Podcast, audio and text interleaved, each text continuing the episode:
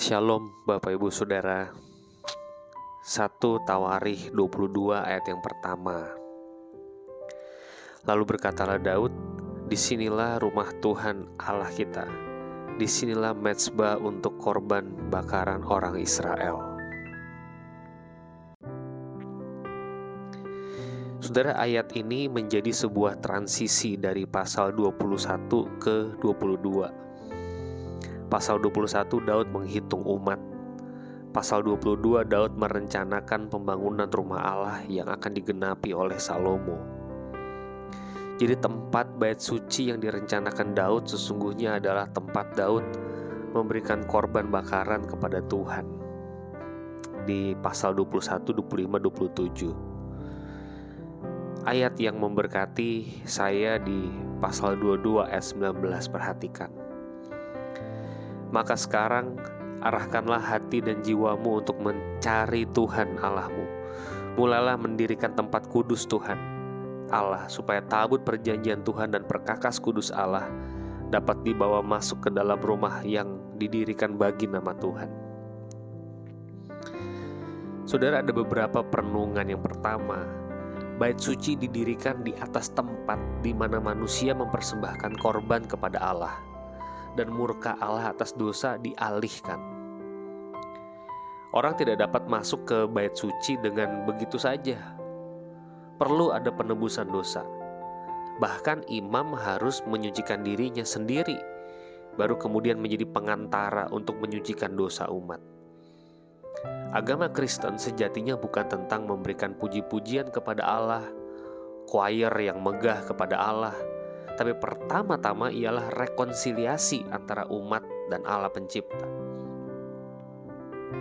Kita sudah terasing dalam relasi dengan Tuhan, maka kita perlu disatukan dan dipulihkan dengan Tuhan.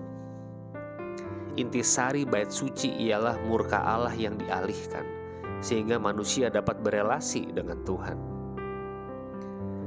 Kedua, secara teologis, Yesus Kristus adalah bait suci yang menjadi perantara antara Allah dan manusia.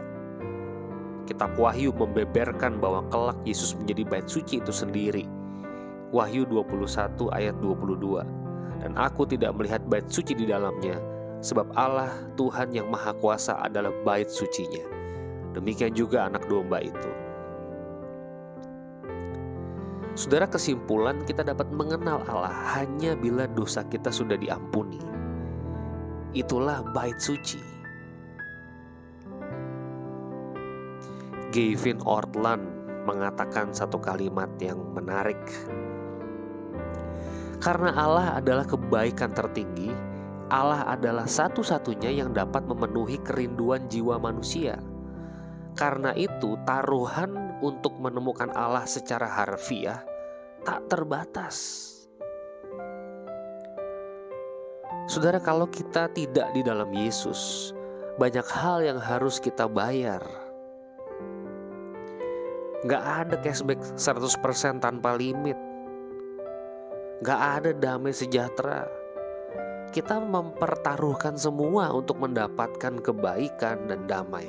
Apa gak capek? Di dalam Yesus kita sudah tidak perlu lagi bertaruh Apakah kita masih berjudi saat ini untuk menemukan damai sejahtera?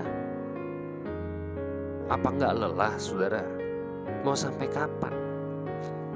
Kita sudah tidak perlu lagi berkorban. Kita sudah tidak perlu lagi kehilangan. Yesus Kristus sudah mengorbankan dirinya. Hanya Ia yang dapat memenuhi kerinduan jiwa manusia. Di sinilah rumah Tuhan Allah kita. Di dalam Yesuslah kita mendapatkan pemenuhan kebutuhan jiwa kita. Maka sekarang arahkan hatimu dan jiwamu kepada Yesus Kristus. Saya percaya pengharapan yang disediakan dalam Yesus tidak akan pernah mengecewakan. Kepuasan yang diraih juga tidak pernah terbayangkan.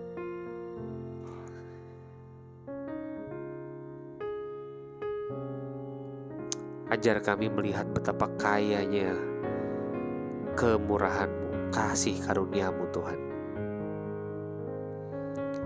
Tolong kami supaya punya hati yang mutlak bersyukur dipenuhi puji-pujian kepada Allah, karena Allah mau mengosongkan dirinya buat kami.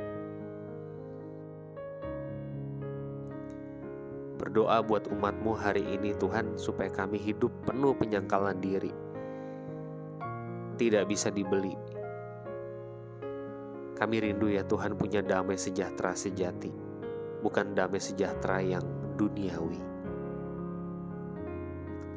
Bapa, dengarlah doa kami.